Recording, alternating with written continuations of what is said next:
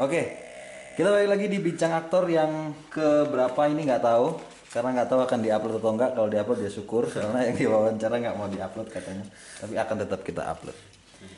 Kita ketemu sama Dioren Jalu Permana. Halo, Mas Oren. Halo, selamat malam Mas admin aku aktor. Asik, sorry. Nah, eh, Dioren Jalu Permana ini mungkin saya akan yang memper- memperkenalkan dia ya, karena dia Tidak bingung. terkenal. Tidak terkenal. Mau mengenalkan dia kayak gimana dia bingung.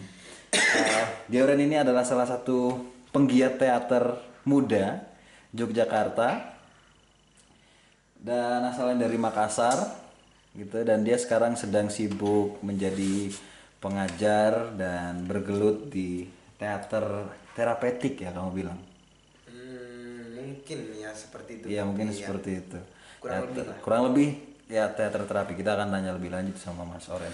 Dan dia ya itulah. Saya tidak bisa menyebutkan lebih. Yang jelas dia adalah pengajar di kelas acting Ocik dan dia juga beberapa kali main film. Di Kucumbu kalau teman-teman bisa lihat ada salah satu adegan di mana dia bertarung dengan waroknya dengan Mas Wani ya itu luar biasa sekali tokonya jadi sekali ya itu Jadi baru. jadi, jadi hancur gitu kalian nggak akan bisa mengambil toko dia karena rambutnya aja udah beda udah. Jadi pohon jagung. nah, jadi pohon jagung. Oke aku mau nanya nih sama Oren nih. Ya. kamu kan sama kita sama. Kita kita dari satu alamat Oke, sebelumnya sebelum dia bertanya, aku kan ngasih tahu kami itu seangkatan dalam sebuah eh, lembaga atau institusi. ya kita satu angkatan satu angkatan di salah satu institusi kesenian di Indonesia. Yang tidak bisa disebutkan namanya pakai inisial aja inisialnya ISI ya. Nah eh, ini mau aku tanyakan ke Oren nih. Oren adalah teman angkatan saya yang kebetulan dia lulus lebih dulu atau meluluskan dirinya. Sehingga kemudian eh, ada beberapa mungkin ada beberapa keilmuan yang yang tidak yang saya terima tapi tidak diterima Oren ada beberapa prinsip yang saya terima tapi juga mungkin tidak diterima Oren nah pertanyaanku gini. Setelah keluar dari institusi itu perkembangan terbaru apa yang kamu dapatkan terutama dalam soal keaktoran sebelum kita nanti masuk ke pertanyaan-pertanyaan lain kita akan coba untuk ulik dari situ dulu. Apa yang kamu dapatkan dalam dunia eh, keaktoran ya dalam dunia metode keaktoran apa yang kamu dapatkan setelah justru kamu berada di luar lingkaran eh, kesenian kampus seni itu? Oke. Pertama sebelum itu sebelum saya keluar ada masa di mana saya merasa hidup saya itu sangat hancur dalam tanda kutip. Ya saya terjebak dalam narkoba, saya di penjara, kemudian itu menghancurkan masa depan saya dalam tanda kutip. Eh, kuliah saya terputus, saya harus memulai lagi dari awal, bla bla bla. Nah yang menjadi menarik adalah bagaimana saya bisa untuk memutuskan persoalan saya dan saya memulai dari awal. Oke konteksnya dengan keaktoran. Oke, pada tahun 2011 saya masuk di kampus. 2012 akhir saya di penjara. 2013 akhir saya keluar. Nah, di situ saya memulai. 2011 saya pertama kali bertemu dengan salah satu aktor Jogja. Ya, dia sudah banyak main di beberapa film dan kakak kelas kami. Namanya Mas Rendra, Rendra Bagus Pamungkas itu salah satu orang yang sampai sekarang masih mendampingi saya. Dan sampai sekarang itu adalah guru saya karena dia yang merubah hidup saya. Waktu itu dia melihat hmm, katanya sih ada sebuah potensi bla bla bla atau eh, di dia ya kasihan aja sama saya untuk bagaimana caranya anak ini berubah dari kehidupan yang rusak sehingga sekarang mulai tertata. Oke waktu itu dia menawarkan saya untuk membuat suatu pertunjukan. Namanya pagi tak terencana. Oke kenapa pagi tak terencana? Jadi setelah keluar dari sel itu penjara saya merasa hari-hari saya selalu sama. Hmm. hari-hari saya selalu kayak tidak ada tujuan terus kemudian mau ngapain itu bingung. Hmm. nah dia menawarkan sebuah pertunjukan. Aku nyebutnya itu waktu itu mas gimana kalau aku menuliskan hal-hal yang kulakukan tiap pagi Hmm. yang tidak kurencanakan dari semalam? Misalnya kan sekarang kan kita udah punya rencana pagi kita akan berangkat kerja kita akan melakukan ini ini ini. Nah dulu aku akan melakukan hal-hal menuliskan hal-hal yang spontan kulakukan. Dari 10 lembar yang kutuliskan ternyata semua sama artinya ada konflik Hmm. ada persoalan yang tidak bisa lepas Hmm. sehingga itu terbawa terus Hmm. Hmm. lalu kami mencoba memecahkan nah mungkin di situlah ya bahasanya terapeutik sedikit prinsip yang sama dengan terapi tapi lewat teater Hmm. kemudian apa yang saya temukan yang saya temukan adalah bagaimana pola permasalahan saya Oke. itu berlangsung dan bagaimana respon orang-orang dengan permasalahan itu Hmm. terus responku pada saat itu dengan masalah itu dan kemudian itu menjadi ruang penyadaran apa yang harus saya lakukan ke depan dari pertunjukan teater itu Hmm.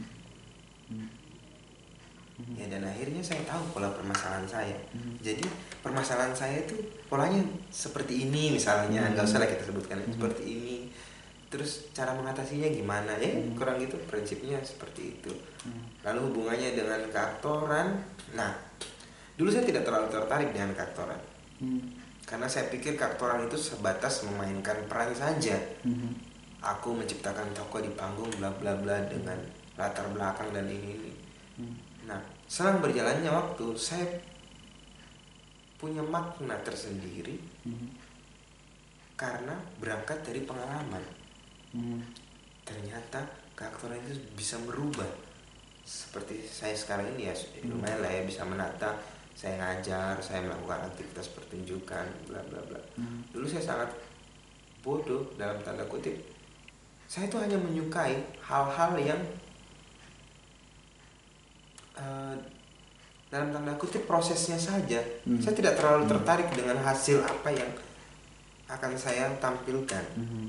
Hmm. saya hanya tertarik dengan hal-hal yang saya pelajari kemudian waktu dalam pertunjukan itu itu banyak apa ya seperti manusia dan konflik-konfliknya itu sangat berguna ya ternyata banyak toh orang yang tidak tahu sama sekali Hmm. tentang konfliknya Hmm. dan dia berjalan terus berbarengan dengan konflik yang ternyata itu sangat membebaninya Hmm. Hmm. saking parahnya dia sudah tidak sadar bahwa itu konflik Hmm. Hmm. ya katakanlah banyak eh, misalnya yang mengatasnamakan bla bla bla untuk kepentingan bla bla bla Mhm. dan buruknya mereka mempengaruhi orang sehingga orang-orang itu merasa bahwa apa yang mereka perjuangkan itu murni Hmm. ternyata tidak misalnya kan itu konflik Hmm. Hmm. Hmm. Nah itu saya dapatkan di dunia keaktoran. Saya waktu itu pernah dapat pertanyaan begini. Pernah tidak kamu memperhatikan seorang yang eh, mungkin bisa dikatakan dia memberontak, Hmm. berbeda dengan kebiasaan-kebiasaan. Hmm. Terus pernah nggak kamu mau untuk meluangkan waktu mencari tahu kenapa dia berbeda dari kebiasaan? Hmm. Terus akhirnya saya melihat kebiasaan-kebiasaan itu Hmm. dan ternyata rata-rata rata-rata orang yang melakukan pemberontakan itu adalah orang yang cerdas dan bodohnya atau entah kenapa kenapa dia memilih untuk bersikap sampai-sampai orang itu tidak menganggap dia Hmm. Hmm. nah itu yang menarik Hmm. waktu itu Hmm. kemudian itu yang saya bilang oke Hmm. mempelajari manusia sampai dengan layar-layar di belakangnya sampai dengan dimensi-dimensi yang dalam tanda kutip kita tidak pernah memikirkan itu. Hmm. Misalnya, kamu tahu kan pelacur kan? Hmm. Eh, menurutmu pelacur itu punya cinta atau tidak? Hmm, punya Oke, di mana letak cinta itu? Hmm. Di di mana aja mungkin Ya, tidak bisa spesifik nyebutin salah satu tempatnya Mungkin kita kan akan selalu pada umumnya kita akan bilang hubungan antara laki-laki Iya. dan perempuan atau bla bla bla. Oke, sekarang jika saya tarik hubungan antara laki-laki dan perempuan, Hmm. lalu bagaimana pelacur itu memaknai tubuhnya? Kenapa dia memberikan tubuhnya itu kepada laki-laki lain Hmm. yang bisa dibilang ya kalau kamu cinta itu hanya milik suamimu atau dan bla bla bla. Hmm. Tapi ada kalimat dalam suatu teks yang pernah saya mainkan bersama kolektif sudah peka sakit lagi yang bunyinya kamu bisa memiliki tubuhku tapi kamu tidak bisa mengecup keningku. Hmm. Hmm. Kamu paham nggak? Hmm. Hmm. Iya ya. Ada banyak pemaknaan tentang cinta. Hmm.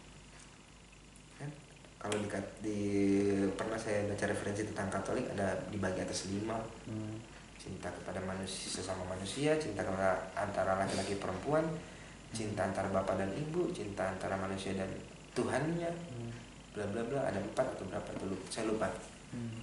nah pernah nggak orang-orang lain itu memikirkan atau mencoba memaknai tentang cinta Hmm. kemudian pemaknaan itu menjadi berefek bagi dirinya Mhm. nah di proses keaktoran itu saya merasakan efek yang banyak Hmm. dan itu merubah diri saya